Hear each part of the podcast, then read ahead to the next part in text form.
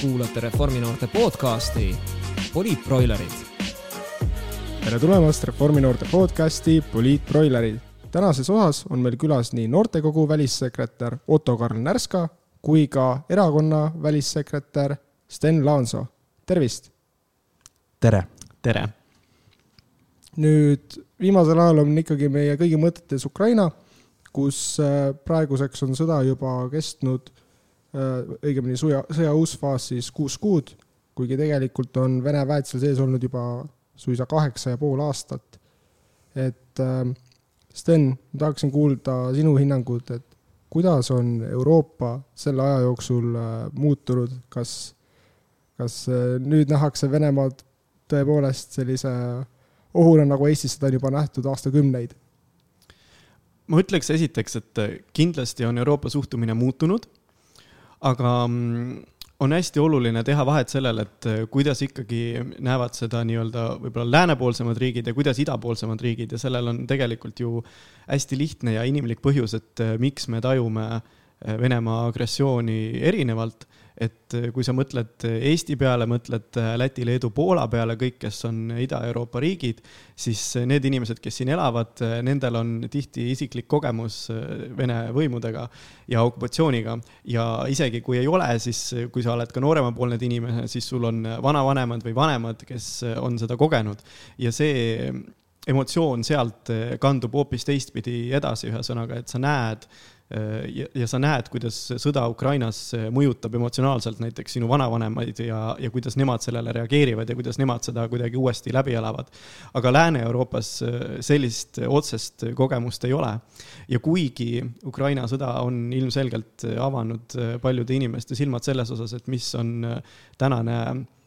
välispoliitiline reaalsus tegelikult, siis ma ikkagi ütleksin, et teatav emotsionaalne lõhe seal on, ühesõnaga Otto, sa oled nüüd siis aasta käinud ka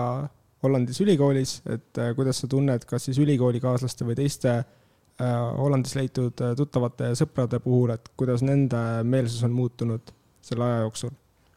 Ähm, ja, et see ülikool, kus ma käin praegu, et tegelikult meil on hästi sihuke rahvusvaheline nii-öelda kooslus aga hästi palju, ütleme, domineerivalt on ikkagist lääne ühiskondadest pärit, äh, võib-olla siukse pika ajalooga suurtest riikidest, äh, Ameerika Ühendriikidest, äh, võib-olla Inglismaalt, Prantsusmaalt, Saksamaalt ja on ka paar idaeurooplast, kellega me oleme siis sellel teemal suhelnud. idaeurooplastega, noh, on sihuke üld, nagu üldine tendents, et kõik ikkagist teadsid, et, et Venemaa on sihuke agressorriik olnud läbi ajaloo ja ei ole seda nii-öelda ära unustanud läbi siis võib-olla oma, oma suguvõsa ajaloo ja, ja oma riigi ajaloo. Ja just need lääne, läänepoolsed riigid, kes võib-olla on nagu natuke unustanud seda Venemaa äh, nii-öelda tumedat minevikku, nende jaoks tuli see, tuli see šokina. Ja, ja ka just äh, paar kuud tagasi, siis kui oli võib-olla sõjagi teine või kolmas kuu, siis ma suhtlesin ühe äh, Ameerika Ühendriikidest pärit äh, neiuga ja rääkisime siis, kuidas erinevad näiteks siis meie meedia kajastus sellest versus siis USA meedia kajastus. ja seal oli sihuke kiire tendents, et sõda oli kestnud näiteks kaks kuud ja selle ajaga oli juba USA meedia hakanud juba edasi liikuma. et äh, nende jaoks ikkagist see sõda on väga kauge asi, nemad ei tunne sellest ohustatuna ja see käi, see ei käi ainult USA kohta, et see käib ka tegelikult äh, sõprade kohta Hollandis ja Saksamaal, kes, kes teavad, et niisugune asi toimub, aga nendel nagu niisugust isiklikku mingisugust suhet selle, selle konfliktiga ei ole, et see, et see nagu neid puudutaks, nemad lihtsalt teavad, et seal mingi sõdimine käib äh,, on nii-öelda siis äh, sisseränne sõjapiirkondadest ja see on nagu võib-olla see, kus nende see sõjaline teadmine praeguse olukorra kohta nagu piirdub, et see, see vahe tuleb idaeurooplaste just siis äh, nii-öelda endiste Nõukogu riikide noorte seast versus lääne ühiskonna noorte seast väga, väga selgesti välja. Äh, Sten, ma sooviksin teada seda, et äh, kuivõrd Eesti on päris palju ära teinud Ukraina heaks ja hakkas ka ühe esimesena siis äh, raskerelvastust tegelikult Ukrainasse saatma, siis äh, kuidas tundub, et kas Euroopa Liidu poolt on selline entusiasm ikkagi säilinud ja kas on loota ka tulevikus, et äh, siis äh, sanktsioonid jätkuvad, sest kuivõrd äh, lääne ühiskonnas siis paistab, et kõik inimesed ja ka meedia ei ole enam niivõrd kaasatud antud teemasse ja ma ütleksin, et esiteks, et seda entusiasmi praegu veel jagub, aga seda peaks hindama tegelikult nüüd kuu aja pärast uuesti, sellepärast et vahepeal on olnud suur suvi vahel. eriti puudutab see Euroopat, kus augustis enamasti puhatakse kõige rohkem ja see kindlasti viib selle emotsionaalse fooni alla. et tegelikult on raske öelda, et, et tulevad uued teemad ju meil sügisel peale, et kuidas see kõik jätkub. samas on selge see, et, et minu meelest just nagu tagasi vaadates see Eesti initsiatiivikus Ukrainat aidata on ilmselgelt silma paistnud ka just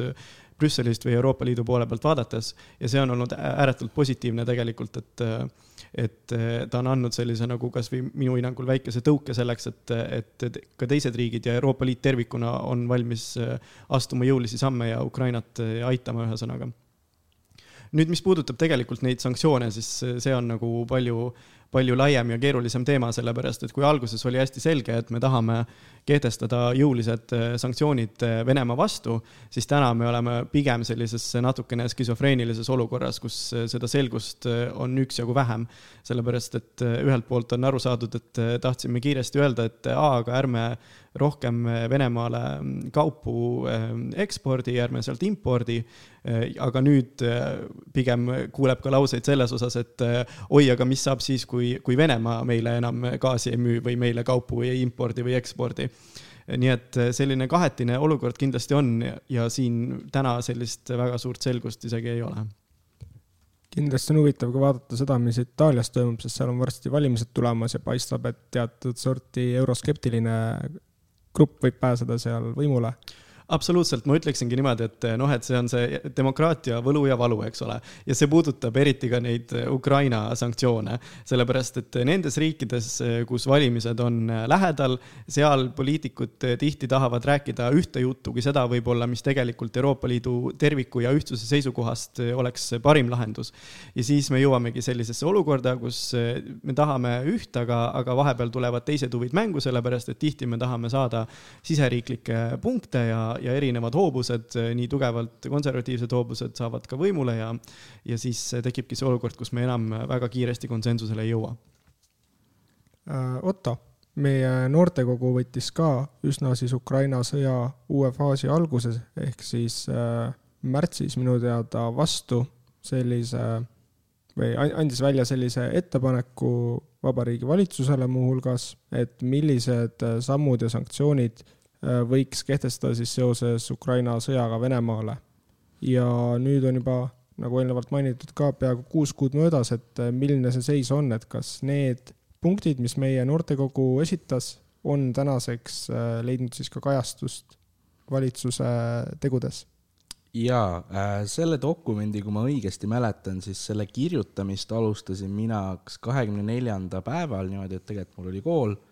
aga seal ma väga palju ei keskendunud sellel päeval, sest et äh, oli palju tähtsamaid asju nii, nii äh, kuidas ma ütlen, koolist väljas, et äh, ma arvan, et iga eestlane mäletab seda hetke hommikul üles ärgates, kui, kui lugesid uudistes, et, et suurimaid linnu pommitatakse ja, ja Venemaa alustas täieliku sissetungiga, siis, siis keskendumine kõigele muule tundus, tundus nii tühine. Ja selle äh, nii-öelda dokumendi äh, valmimisel siis äh, kaasasime erinevaid noortekogu nii-öelda inimesi erinevate taustadega ja, ja kõigilt võtsime siis mingisugused, äh, mingisugused ideed ja panime ühte suurt dokumenti kirja. ja, ja selle dokumendi koostamise ajal äh, kogu aeg uudiseid lugedes tuli juba see, et selle punkti võib ära kustutada, see on juba tehtud. ja, ja lõpuks siis siia dokumenti sai kirja üheksa suuremat punkti, millest ka siis enamus on tänaseks juba, juba täidetud ma võin siit võib-olla igast nagu korraks üle käia, et, et mis me, mis me siis nii-öelda soovisime, et Eesti äh, Vabariik võiks, äh, võiks teha ja, ja kuhu nii-öelda jõuda. et äh, esimene on siis sõjalik, sõjaline julgeolek nii rahaliselt, kaitsevõimekuselt ja õhutõrjesüsteemidega, sellega praegu me liigume päris kiiresti edasi humanitaarabi ja, ja viisade teema on tegelikult Eesti, Eesti juba ka nii-öelda eesrinnas, et viimaste andmetega Eesti enam äh, ei, ei luba Eestis väljastatud viisadega Vene kodanikke sisse, aga see ei puuduta siis välisriikides antud viisasid. siis äh, edasi olid lennud, lennud on ka juba tühistatud enamus, enamusjaos Euroopas. et ainult paar, paar riiki veel, veel nii-öelda lubavad Vene lennukitel siseneda, aga, aga see on neil päris võimatu, sest et ülejäänud kõrvalriigid on juba selle ära keelanud. siis sportlaste teema, see on rohkem nüüd juba langenud nii-öelda spordialaliitudele, kes siis on võtnud kas vastu selle otsuse või ei ole edasi oli e-, eksport ja import, äh, mida me oleme siis näinud, tegelikult on palju raskem kehtestada neid sanktsioone, kui me oleme arvanud, eriti just siis gaasi ja äh, nii-öelda nafta ja energia valdkonnas. siis edasi oli propaganda kohta, et Venemaa telekanaleid keelata, see, see on suures osas meil juba tehtud, eriti just need propagandakanalid. ja, ja siis sinna lõppu jäid veel meil diplomaatilised nii-öelda suhted, kus siis Venemaa võiks välja arvata erinevatest organisatsioonidest ja, ja ka see saadikute teema ja mõlemad tegelikult Eesti, Eesti Vabariik on, on kaalunud või siis juba mingeid samme astunud. et äh, see, see dokument, ma arvan, oli, oli sihuke päris hea nii-öelda kokkuvõte, et mida võiks teha ja nüüd tagasi vaadates on hea vaadata, et mida on juba ära tehtud. ja lisaks sellele ongi tegelikult ju näha seda, et selle aja jooksul, kui olukord äh, edasi on läinud, on tulnud ka uued fookusteemad ja uued piirangud, mis Venemaale kehtestati, mis alguses üldsegi äh, selles mõttes äh, ei olnud kaalutud, kas või näiteks punamonumentide teema, mis nüüd äh, vähemalt Narvas jõudis loodetavasti õnneliku lõpuni. aga siis Ukraina teemaga seoses veel, mis on teie tunnetus, et kaua võib selline ebaselge sõjaline seisukord Ukrainasse veel jääda, et mis te arvate kas me räägime siin kuudest aastatest või veel pikemast ajast? no keegi meist tegelikult ennustaja ei ole, seega väga-väga raske öelda, aga väga selge on ka see, et seda kiiret sõja lõppu, mida me arvasime või mida ka osad Euroopa riigid arvasid märtsis, seda ei tulnud ja ilmselgelt teda ei ole ka kuskilt tulemas selles mõttes, et, et oleks, ma arvan, sinisilmne loota, et, et, et see kuidagi kiire, kiire lõpu saab. Mind hoopis huvitaks selles mõttes, et korra tulles tagasi selle nimekirja juurde, mida äh, sa, Otto, rääkisid sellest programmist, ühesõnaga, et minule ka on silma jäänud see, et noh, et seoses sellega on tulnud sellised uued teemad äh, nagu lauale. Ja eriti puudutab see seda kuidagi sellist vähest lii-, äh, sellist nagu mõttelaadi, et jaa, et ka Venemaa kodanikel on õigused, ühesõnaga, et neid ei peaks nagu liialt sanktsioneerima, ühesõnaga, et kõike, mis puudutab Euroopa riikidesse sisenemist ja, ja näiteks ka sportlaste võistlustel osalemist ja kõike sellist nii-öelda kultuurielu laadset osa, et justkui noh, et Vene kodanikud ei ole ju süüdi selles, et et Ukrainas on sõda. mind lihtsalt huvitaks, et kuidas sina, kui sa suhtled äh, teiste noortega välismaal, kuidas, kuidas nemad seda näevad, ühesõnaga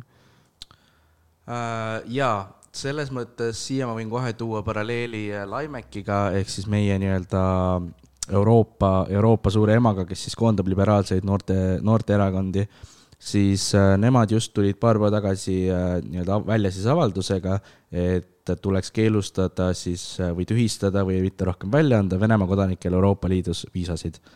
ja sinna tuli suur vastukaja kommentaariumites, erinevad siis ka noortekogudesse kuuluvad nii-öelda liberaalid avaldasid selle vastu meelt, et see ei ole üldse kuidagi liberaalne, et me nüüd hakkame isikuvabadusi piirama ja, ja meil on ka sihuke nii-öelda noh, seal Laimekis on ka koondutud nii-öelda tavaliselt piirkonda alusel, et meil on seal Põhjamaad, meil on seal äh, sihuke Benelux, meil on äh, võib-olla Lõuna-Euroopa ja me oleme siis Ida-Euroopa plokis seal. Ida-Euroopa nii-öelda plokis me ka arutasime, et äh, seal kõik toetasid, kõik olid kahe käega poolt, et see avaldus on väga hea, see on väga jõuline ja siuksed sammud tuleks vastu võtta. aga just sealt lääne poolt, lääne noored tunnevad, et see ei ole võib-olla kõige õigem idee et seal nagu meie nii-öelda ka liberaalide vahel lähevad tegelikult arvamused lahku. no vot, mulle tundub sama, et eelkõige sellistel äh, liberaalse mõtte, mõttelaadis on nagu vähe hoobasid eh, midagi teha, sellepärast et kuidas sa võitled eh, demokraatlike meetmetega mittedemokraatlike sündmuste vastu, ühesõnaga, eriti kui neile see tegelikult ei lähe korda, ühesõnaga. et siis, siis ongi tegelikult siin leida keeruline lahendus, nii et jah, täiesti nõus, ühesõnaga. ja, ja selle nii-öelda noh, et kuidas, miks me võiks või kuidas me karistame vene inimesi, siis esiteks see punkt ka, mida on, mida on välja öeldud päris mitmel korral, et tegelikult see ei ole mingisugune inimõigus reisida, inimvabadus, meil on õigus elule, tervisele,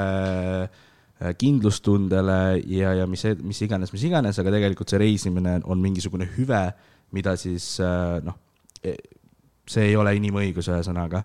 ja, ja tegelikult ka see küsimus, et vene rahvas ei ole, ei ole süüdi ja, ja vene inimesed selles ei ole süüdi, millega ma selles mõttes nõustun, et ega, ega noh, mina ei toetanud ka võib-olla mingit eelmist valitsust, et see ei olnud võib-olla see minu, minu hääl, kes, kes nii-öelda Eesti riigi eest kõneles, aga lõppude lõpuks on, on nii-öelda demokraatlikes riikides, noh, paberi järgi on ka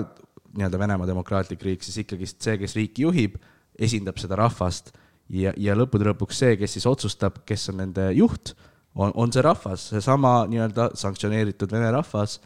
kes, kes äh, noh äh,, lõppude lõpuks peab rahva hääl nii-öelda peale jääma, kui siis tõesti on Venemaal äh, nii-öelda küsitluste järgi, ma ei tea, seitsekümmend protsenti, kes tahaks, et sõda lõpeks, siis, siis kus me nagu neid märke, neid märke pigem tuleb just vastupidises foonis, et inimesed väga toetavad, kõik on Putini-meelsed tuleb sõnumeid, et äh, Eesti, Eesti vabadus on nende viga ja, ja pigem see foon on täiesti teistpidi ja, ja sealt nagu noh, tulebki see küsimus, et, et kes see vene rahvas siis lõpuks on, kas need äh, liberaalsed kodanikud, kes tahavad, et Ukraina oleks iseseisev riik või need, kes siis on äh, nii-öelda äh, Putini selja taga ja, ja on äh, valmis äh, oma elu andma, et, et äh, suur, suur nii-öelda isamaa oleks jälle ühtne suured tänud teile arvamuse avaldamise eest äh, Ukraina sõja teemal, aga see ei ole kahjuks ainukene äh, pingeseisund, mis hetkel maailmas aset leiab. et vaadates Aasia poole, on aastakümneid külmunud konflikt Hiina ja Taiwan'i vahel näidanud nüüd äh, ülessoojenemise märke. et nimelt ajas tagasi minnes, neljakümne üheksandal aastal lõppes Hiina kodusõda, mille tagajärjel jäi Hiina Rahvavabariik siis Mandri-Hiinasse ja Taiwan'i saarele Hiina Vabariik. ja täna elab Taiwan'is üle kahekümne miljoni inimese, on üks liberaalsemaid ja demokraatlikumaid kohti Aasias, on ka ainuke koht Aasias, kus kehtib näiteks abieluvõrdsus. aga samas äh, Hiina ühiskond on hoopis teistsugune ja äh, enne seda, kui me liigume siis selle pingeseisundi vahele, mis seal on ja kuidas see kasvanud on, tahakski natukene arutleda selle üle, et milline hetkel see elu Hiinas on, milline see propaganda neil seal on ja üldine riigikorraldus. Otto, oskad midagi huvitavat meile jagada näiteks? no minnes sinna tagasi sinna Hiina kodusõja juurde, kus siis tegelikult ju varasemalt see Taiwan'i ajalugu on olnud ju väga pikk, see on äh, mitme sadu kui mitme tuhandeid aastaid on asustatud ala ja, ja see on kuulunud tegelikult väga erinevatele osapooltele, kunagi ammu, kas ta oli seitsmeteistkümnendal sajandil kuulus ka kusjuures Taiwan äh, Hollandile kui tuleb eriti täpsustada, siis Hollandi firmale, ettevõttele, Dutch East India Company'le. hiljem kuulus ta siis äh, Hiinale, peale Hiina-India sõda vahetas see siis poole, mitte Hiina-India, vabandust, Hiina-Jaapani, kus siis see vahetas Jaapani poolele ja siis teise Hiina-Jaapani sõjal jälle, jälle Hiina poolele. ja mis puudutab siis seda neljakümne üheksandat aastat, kui see kodusõda tuli, siis tekkiski niisugune kentsakas olukord, et meil oli nii-öelda kaks, kaks inimest, siis äh, Mao Zedong ja, ja teiselt poolt siis, äh, kui ma õigesti mäletan, siis äh, Kai Shek oli ta nimi, kes siis nii-öelda läks siis eksiilvalitsusse Taiwan'i ja tekkiski nüüd olukord, et meil on suur Hiina riik, kes ütleb, et nemad on Hiina õige valitseja, eesotsas siis Mao Zedong ja, ja väike saar väikse eksiilvalitsusega, kes siis nimetasid ennast nii-öelda Hiina, Hiina ainuvalitsejaks ja, ja USA-l tekkis muidugi sealt hea võimalus kasutada seda kommunismi vastast propagandat ära ja tunnustada siis Taiwanis elavat eksiilvalitsust eh, kui, kui Hiina ainukese nii-öelda juhina. Ja, ja see kestis kuni siis seitsmekümnendateni, kui siis hakati tunnustama siis Hiina, Hiina Rahvavabariiki kui Hiina ainuvalitsejat. Ja, ja noh, ega selles mõttes see Taiwan kuhugi ära ei kadunud vaid nüüd tekkiski meil põhimõtteliselt kaks ühiskonda, nii-öelda üks riik, mingil hetkel jõuti ka tegelikult äh, sihuke inglise keeles on hea väljend, et agree to disagree, et mõlemad äh, said aru, et, et noh, mõlemad tunnustavad, et nad ise Hiina ainuvalitsejad. Ja siis tekkiski nagu natuke ühe riigi sees kaks erinevat ühiskonda, et ühelt poolt on see kommunistlik partei, kes tänase päevani Hiinas valitseb ja teiselt poolt niisugune avatud ühiskond, kus siis äh, tänasel päeval ongi demokraatlikud väärtused ja, ja niisugused liberaalsed väärtused, mida ka me noh, Euroopas taga ajame, vähemalt mõned parteid Euroopas. ja, ja Hiina poolt see kommunistliku valitsuse need nii-öelda noh, kommunismiga meie vähemalt seostame väga palju koledusi ja, ja, ja siukseid nii-öelda inimsusevastaseid kuritegusid, genotsiide, mis, mis paraku toimuvad ka tänasel päeval, kui me võtame sihuke võib-olla Hiina poolt kõige, kõige tuntum see uigurite äh,, ma ei teagi, kas see eestikeelne hääldus on uigur. Äh,, aga, aga nende siis äh, genotsiid äh,, siuksed võtted, mis, mis ei peaks kuuluma üldse, üldse inimkonna juurde, eriti veel kahekümne esimesel sajandil, kus siis äh, nii-öelda kohustuslikud abordid, kohustuslikud steriliseerimised, kus siis ühe populatsiooni sündimus on kukkunud kuuskümmend protsenti näiteks aastaga. et sellised võtted äh, paraku, paraku siiamaani eksisteerivad ja selles mõttes lääne ühiskonnad peavad olema väga, väga selle vastu, aga noh Hiina on niisugune salakaval, keda tahetakse ikka partneriks ja, ja et enda poolel oleks ja, ja siuksed kuidagi koletused jäävad, jäävad väga nagu selles mõttes tahapoole. et äh, see Taiwan'i olukord jah, noh, see on nende nii-öelda kahe enda vaheline asi, kes siis lõppude lõpuks on Hiina ainuvalitseja, aga meie lääne poolt peaksime ikkagist andma selged sõnumid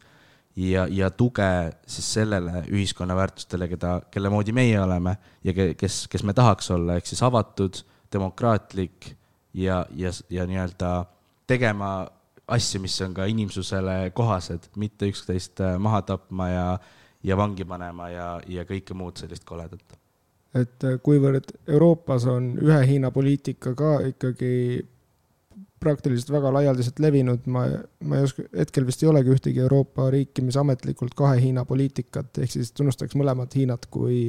legitiimsed riigid põhimõtteliselt oleks olemas aga samas jällegi Leedu on teinud äh, päris palju samme, äh, et äh, tunnustada ka siis niinimetatud Hiina Vabariiki ehk Taiwanit. Sten, kuidas on lood Euroopa rindelt selles mõttes, et kas Leedu tegevus on leidnud seal mingisugust kajastust, kas mõned teised poliitilised jõud kaaluvad ka selle tegemist või pigem vaadatakse seda kui ohtu majandussuhetele?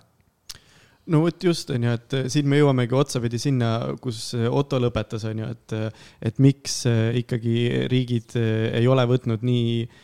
tugevaid seisukohti, et ikkagi see, et maailm ei ole mustvalge, et kuigi tahaks Hiinale öelda nagu väärtustepõhiselt, et see ei ole okei okay,, siis teist poolt ikkagi me oleme globalise-, ma ütleks nüüd juba täielikult globaliseerunud maailmas, kus majandussuhted on väga tugevalt põimunud ja tegelikult see on ju ka see tuumpõhjus, miks me üldse peaksime siin Euroopas ja ka siin Eestis sellest äh, Taiwan'i olukorrast äh, huvi tundma. sellepärast, et äh, teadupoolest Taiwan on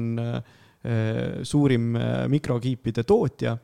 ja see mõjutab eh, kogu Lääne-Euroopa eh, tööstust ja, ja turge. sellepärast, et eh, Ameerika Ühendriikide suur osa tööstusest rajanebki ainult Taiwanis toodetud mikrokiipidel ja kogu tehnika, elektroonika, mis seal toodetakse, mida meie siin rõõmsasti Euroopas ja ka Eestis tarbime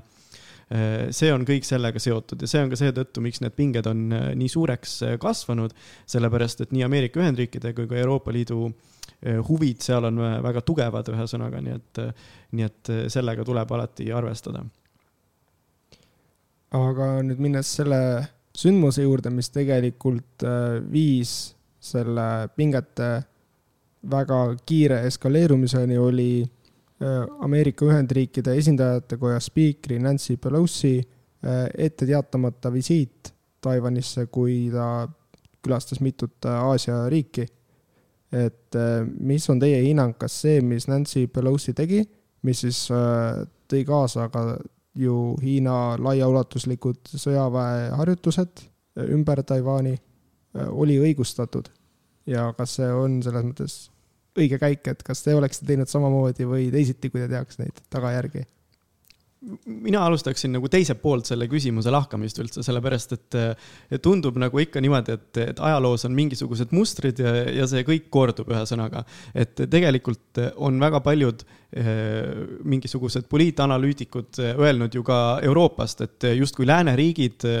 on süüdi kuidagi selles, et, et Venemaa ründas Ukrainat, ühesõnaga, et meie oleme seda provotseerinud, et NATO on seda provotseerinud oma laienemisega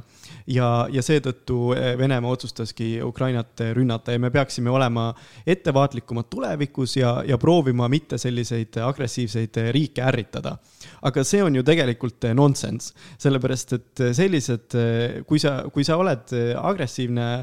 riik või sellise mentaliteediga, siis sa ju leiad alati mingisuguse ettekäände, et seda teha. et ei oleks see olnud NATO, oleks see olnud midagi muud, ühesõnaga. et alati võib leida neid ettekäändeid selleks, et üht või tegevust teha ja mul on tunne, et, et Taiwaniga on natukene sama, ühesõnaga. et ei oleks see olnud USA esindajateskoja spiiker praegu, oleks see olnud midagi muud tulevikus. ja selles mõttes tuleb ikkagi aru saada, et ka selles Ukraina sõjakonfliktis on ju tegelikult ähm, Hiina ja Venemaa ikkagi ühes paadis, ühesõnaga. ja, ja nemad on üksteist äh, välispoliitiliselt äh, ikkagi toetanud selles osas nii ähm, ÜRO Julgeolekunõukogus kui ka muudes vormides, ühesõnaga, ja see paistab igale poole silma. ja minu meelest on siin küll täpselt nagu samasugune tee selles osas, et ma loodan, et muidugi, et see konflikt ei eskaleeru mitte kuidagi, aga lihtsalt, et, et eks Hiina näeb seda täpselt samamoodi, et praegu selles Ukraina Ukraina sõja varjus on tal neid tegevusi kõige lihtsam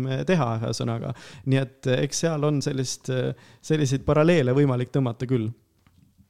ja noh, ma olen kõigega nõus, mis, mis Sten siin enne ütles ja, ja ta on, meenutab väga seda Ukraina ja, ja Venemaa praegust konflikti, et äh, need, need nii-öelda kaks suurriiki, Venemaa, Hiina, nad teevad täpselt nii palju, kui neil lubatakse Nad mängivad piiridega, nad, äh, nad lükkavad neid piire, siis tõmbavad jälle tagasi ja, ja nad on väga osavad mõlemad leidmas alati põhjuseid. ja, ja nagu ma ka enne seda nii-öelda ajalugu mainisin, kus siis USA tegelikult äh, hakkas äh, toetama eksiilvalitsust Taiwanis just sellel põhjusel, et et nii-öelda Hiinat alandada, seda nii-öelda Äh, People's Republic of China ehk siis, kes on täna siis me, nagu meie teame, siis see Hiina, noh, see põhiline Suur-Hiina ja, ja just seda kommunismi võitluses. ja, ja praegu, praegu tundub natukene noh, samasugune olukord, et saab palju paralleele tõmmata kohast, kus siis Hiina on, on kasvanud äh, väga jõudsalt oma majandusega, samuti ka maailmas nii-öelda noh, jõujooned on väga muutunud et äh, siin võib rääkida Aafrika riikide nii-öelda hääle ostmisest äh, ÜRO-s, kus siis Hiina väga suurte rahaliste vahenditega toetab Aafrika riike, nii-öelda vähearenenud riike, ehitab infrastruktuuri ja selle vastu nad on siis nii-öelda Hiinale partnerid äh, erinevates rahvus, rahvusvahelistes organisatsioonides. ehk siis Hiina on, on tõstnud paarikümne aastaga väga oma pead ja, ja see nii-öelda noh, kui varem oligi see, et kumb on siis suurem, kas siis USA või, või nii-öelda Nõukogude Venemaa, nüüd, nüüd on siis kas Hiina või äh, Hiina või USA. ja praegu tundub ka natuke see tendents, et, et see Nancy Pelosi, kes on siis USA kolmas kõige mõjuvõimsam inimene põhimõtteliselt poliitiliselt, siis tema visiit Taiwan'i natuke jälle näitas USA hambaid, et nemad on ikkagist see kõige suurem äh, nii-öelda vaba maailma eestvedajad ja, ja nende geopoliitiline nii-öelda mõjuvõim on kõige suurem, et, et kindlasti see, see põhjus võib ka olla nagu nii-öelda sinna, seal, seal all kuskil, seal on see koer maetud. aga kas ma nii-öelda toetan seda või ei? no eks muidugi noh, see on ka niisugune kahe, kahe otsaga asi, et, et ühelt poolt jällegist äh, väga-väga nii-öelda julge samm praegusel nii-öelda väga pingelisel äh, ajaperioodil, kus, äh, kus äh, sõjad võivad iga hetk alata ja, ja, ja pinged on üles krutitud nagu, nagu külma sõja ajal. aga teiselt poolt jah, see ikkagist, et, et USA näitab, et vaba maailm on demokraatlike riikide toetaja ja, ja nende, nende nii-öelda mõtete ja, ja kuidas ma nüüd äh, ilusasti seda sõnastada saan, nende ideede poolt on, on väärt äh, seista ja, ja vaba maailm ka nagu seisab selle eest. Mulle just meenus seoses sellega, et, et justkui nagu meenutab Ukraina sõda, siis kui te mõtlete tagasi selle peale, et enne sõda, enne sõja algust Ukrainas küsiti Ukraina inimeste käest rahvaküsitluses, et kas te arvate, et see konflikt eskaleerub ja valdavalt vastati, et, et ei arva ja, ja ei usu, ühesõnaga, et isegi siis, kui meie siin eh,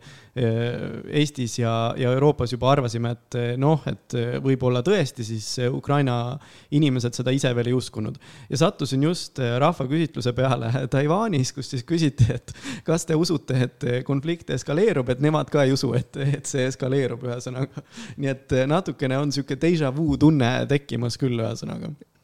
ja noh, muidugi ka see ettekääne, et äh, sellepärast alustada siis täiemahulist nii-öelda ka invasionisõda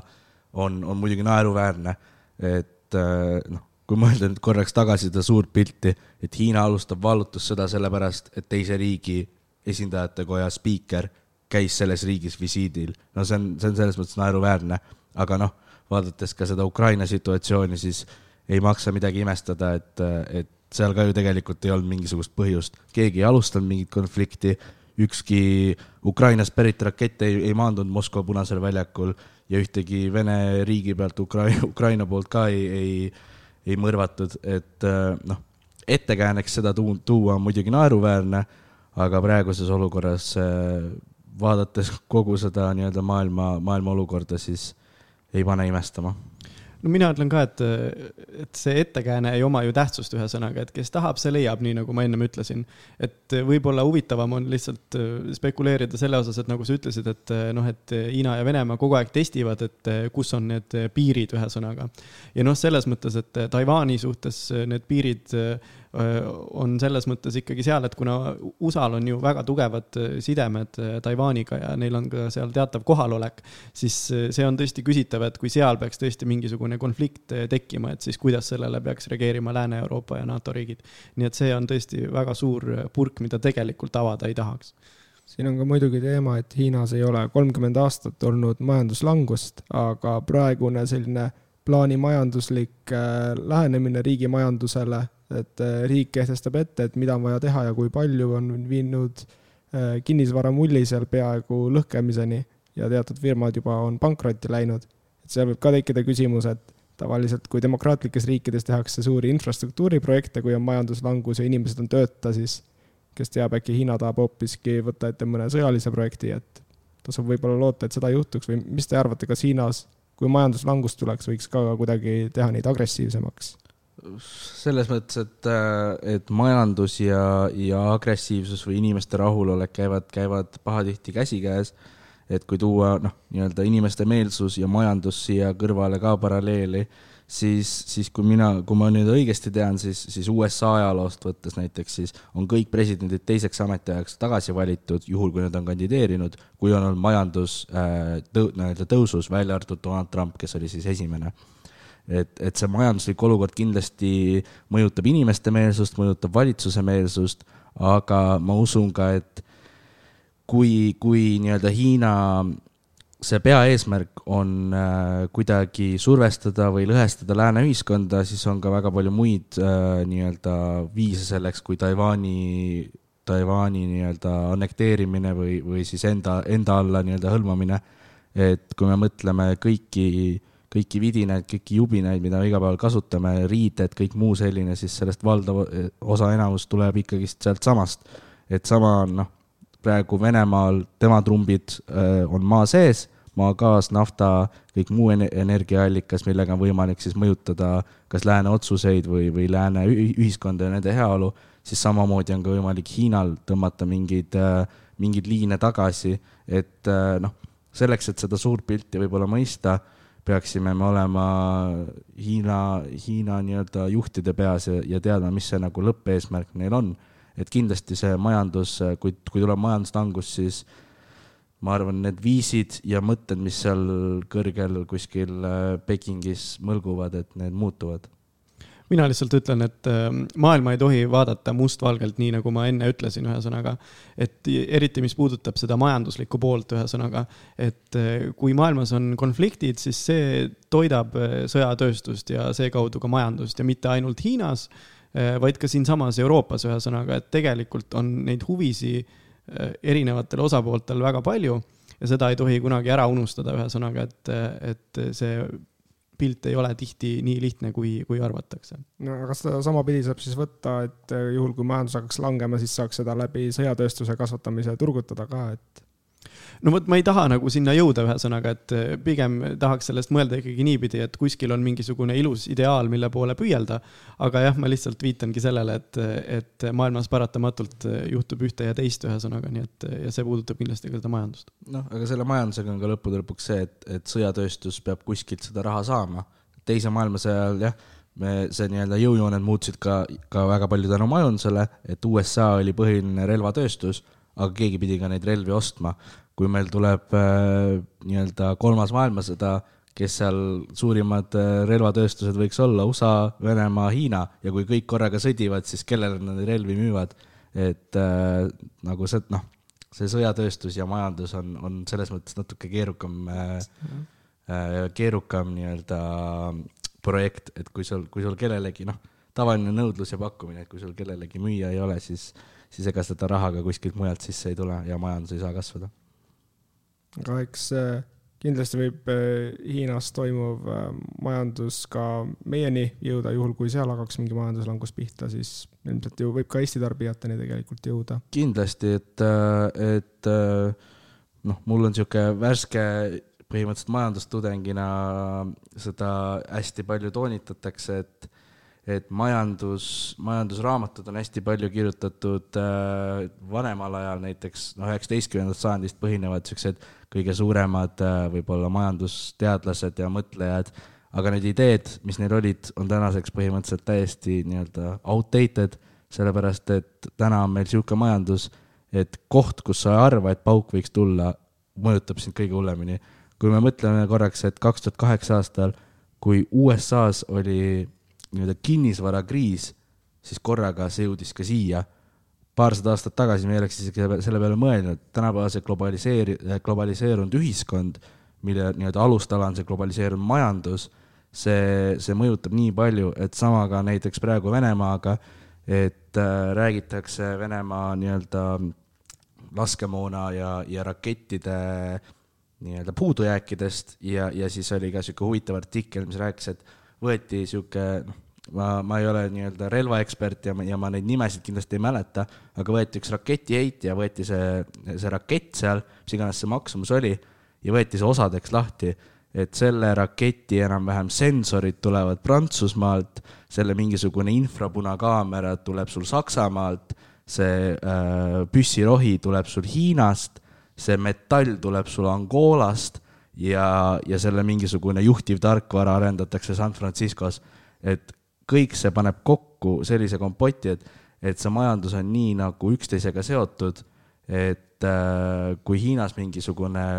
majanduskrahh tuleb või seal midagi juhtub, siis see mõjutab meid kindlasti. see, mis määral, see on juba teine küsimus. aga nüüd olles väga põhjalikult ka siis laanud Hiinat nii, võib öelda natuke seest kui väljaspoolt siis ma arvan, oleks õige hetk küsida, et milline peaks olema üldsegi Eesti poliitika Hiina osas, et kas jätkata ühe Hiina poliitikaga või avada mingil moel ka uks siis äh, Taiwan'i tunnustamiseks? mina arvan, et äh, siin peaks ikkagi leidma sellist teed, et äh, mis tagab ka nagu Euroopa riikide ühtsuse selles mõttes. sellepärast, et äh, Euroopa Liiduna me peame siin võtma mingisuguse seisukoha kindlasti, eriti kui see konflikt, kui see konflikt peaks eskaleeruma. Ähm, aga ei tasu nagu sündmustest iseenesest ette tormata selles mõttes, et meie oleme ka praegu seoses Ukraina ja Venemaaga äh, geopoliitiliselt väga keerulises olukorras, ühesõnaga nii et ma siin ennatlikke otsuseid äh, kindlasti ei teeks. ja oluline on see, et me oleme siiamaani Eesti ja Eesti välispoliitikas hoidnud äh, väga tugevalt joont selles osas, et Euroopa ühtsust hoida ja seda toetada ja seda peaksime kindlasti tegema ka tulevikus. aga näiteks olukorras, kus Leedu on teinud teatud samme, et Taiwanit rohkem tunnustada kui varem, et kas sa tunned, et see siis kuidagi mõrendab Euroopa Liidu ühtsust nendes küsimustes või pigem see avab äh, uut diskussiooni, et äh, noh, Hiina osas või teeb hoopis mõlemat? täna see kindlasti avab uut diskussiooni. Ehm, ja noh, ma ütleks, et diskussioon on, on alati positiivne, seega seda peljata kindlasti ei tuleks, et, et kui üks või teine riik on võtnud teise seisukoha, siis seda ei peaks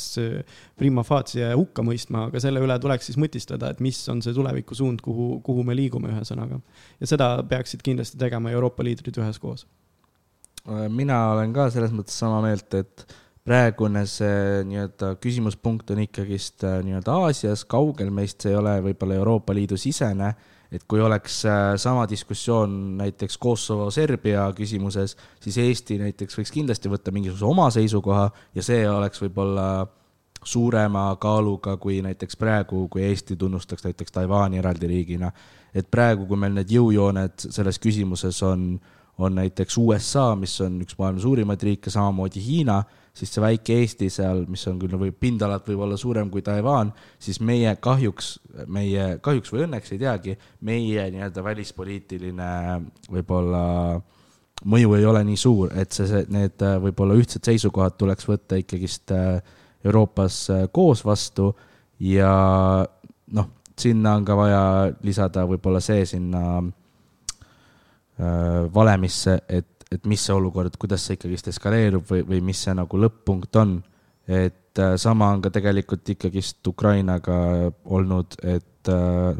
noh, ei olnud mingisugust otsest ühtsust enne, kui, kui asi päriselt äh, käest läks. et sama, ma arvan, toimub ka Taiwaniga,